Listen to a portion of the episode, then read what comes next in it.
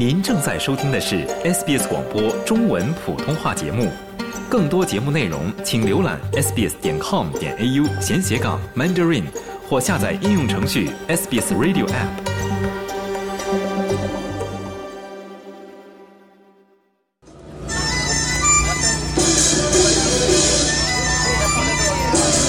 最后两最后两张是他的啊，我们在卧龙岗的南天寺，农历新年庆祝活动正在进行之中。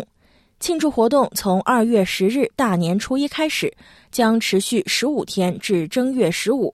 来自澳大利亚各地的人们纷纷前来参与。Happy New Year，新年快乐！Nam s a d i b o b o m b a a Happy New Year！卧龙岗市市长戈登·布拉德伯里为活动揭幕。Well, everyone, Happy New Year and the Year of the Dragon.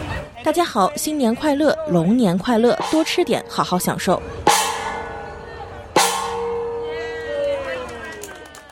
他告诉 SBS 新闻记者，庆祝活动是澳大利亚多元文化社会的重要组成部分。Look, it highlights the cultural diversity in Australia at the present. From my perspective, it enriches us to have different perspectives. 在我看来，它凸显了澳大利亚目前的文化多样性，让我们以不同的视角、不同的方式来庆祝节日。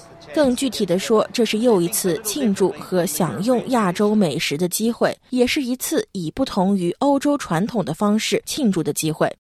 庆祝活动的参与者也有同感。It's just bring people together. Like you can see today, we got people from all like different nationality. 它将人们聚集在一起，就像你今天看到的，我们有来自不同国家的人，这很好的将人们聚集在一起，这太棒了，因为很多人已经开始认可这一传统。看到人们庆祝它真的很有趣。我最喜欢的事情和他说的一样。对于许多东亚社区来说，农历新年是一年中的重要时刻，被视为是重新开始、反思过去一年，并与家人和亲人共度时光的机会。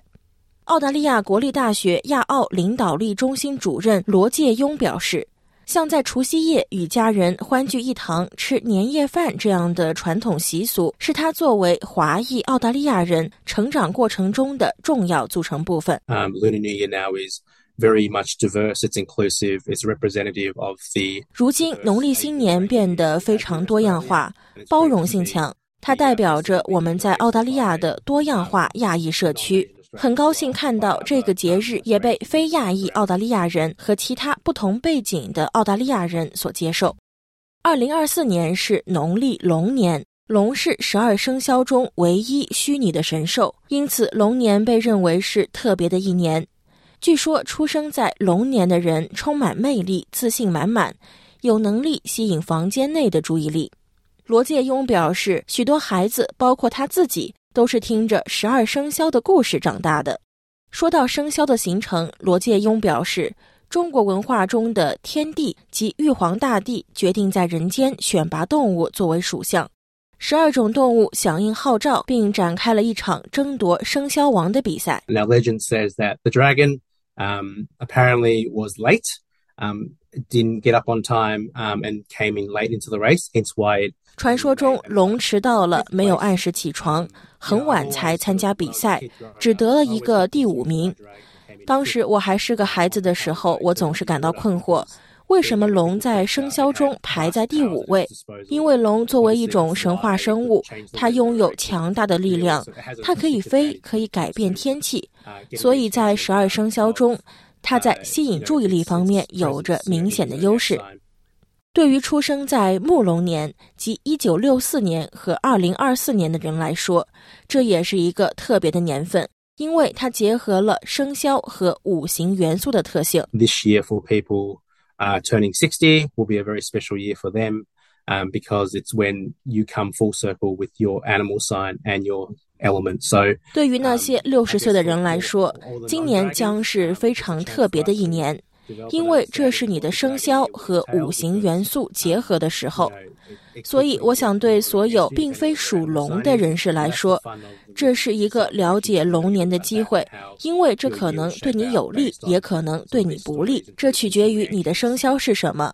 这就是农历新年庆祝活动的乐趣所在：学习一些古人的故事和传统，以及根据这些故事和传统，了解你的一年会如何发展。虽然东亚移民社区的传统各不相同，但是通常都有穿红衣、包饺子或是发红包的习俗。The family gathering at the Lunar New Year's Eve has always been the biggest event. Um, and then what we try and do is um, visit other members of the family. 对我来说，除夕夜的家庭聚会一直是最重要的活动。然后我们会尽量在十五天内拜访其他的家庭成员，我们会互相拜年。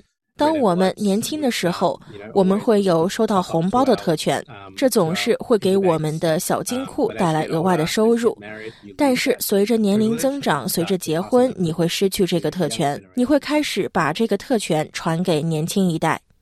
前工党议员罗介庸也主张允许员工将圣诞节等传统节日假期换成与他们文化相关的庆祝活动，比如农历新年。So I'm in support of the idea of having Lunar New Year um, as a public holiday as well as 我支持将农历新年作为公共假日的想法，也支持将排灯节、开斋节、光明节等其他文化节日作为公共假日。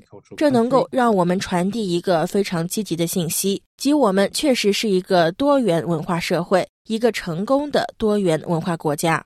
不过，尽管农历新年有助于增强社会凝聚力。但是，西悉尼大学的客座教授上帝罗伯逊表示，农历新年并不是解决重大问题的灵丹妙药。Going along once a year to a festival, uh, you know, going and see, to see a dragon boat race, or going to go and see some of the decorations that are up around the city. Um, 每年过一次节，去看一场龙舟赛，或者去看看城市周围的一些装饰。这其实并不足以真正的建立一个有凝聚力的多元文化社区，与朋友、邻居和社区建立日常联系，以及努力参与一些不舒服和具有挑战性的事情，这同样非常重要。了解澳洲，融入澳洲，欢迎登录 sbs 点 com 点 au 前斜杠 language 前斜杠 mandarin，获取更多澳大利亚新闻和资讯。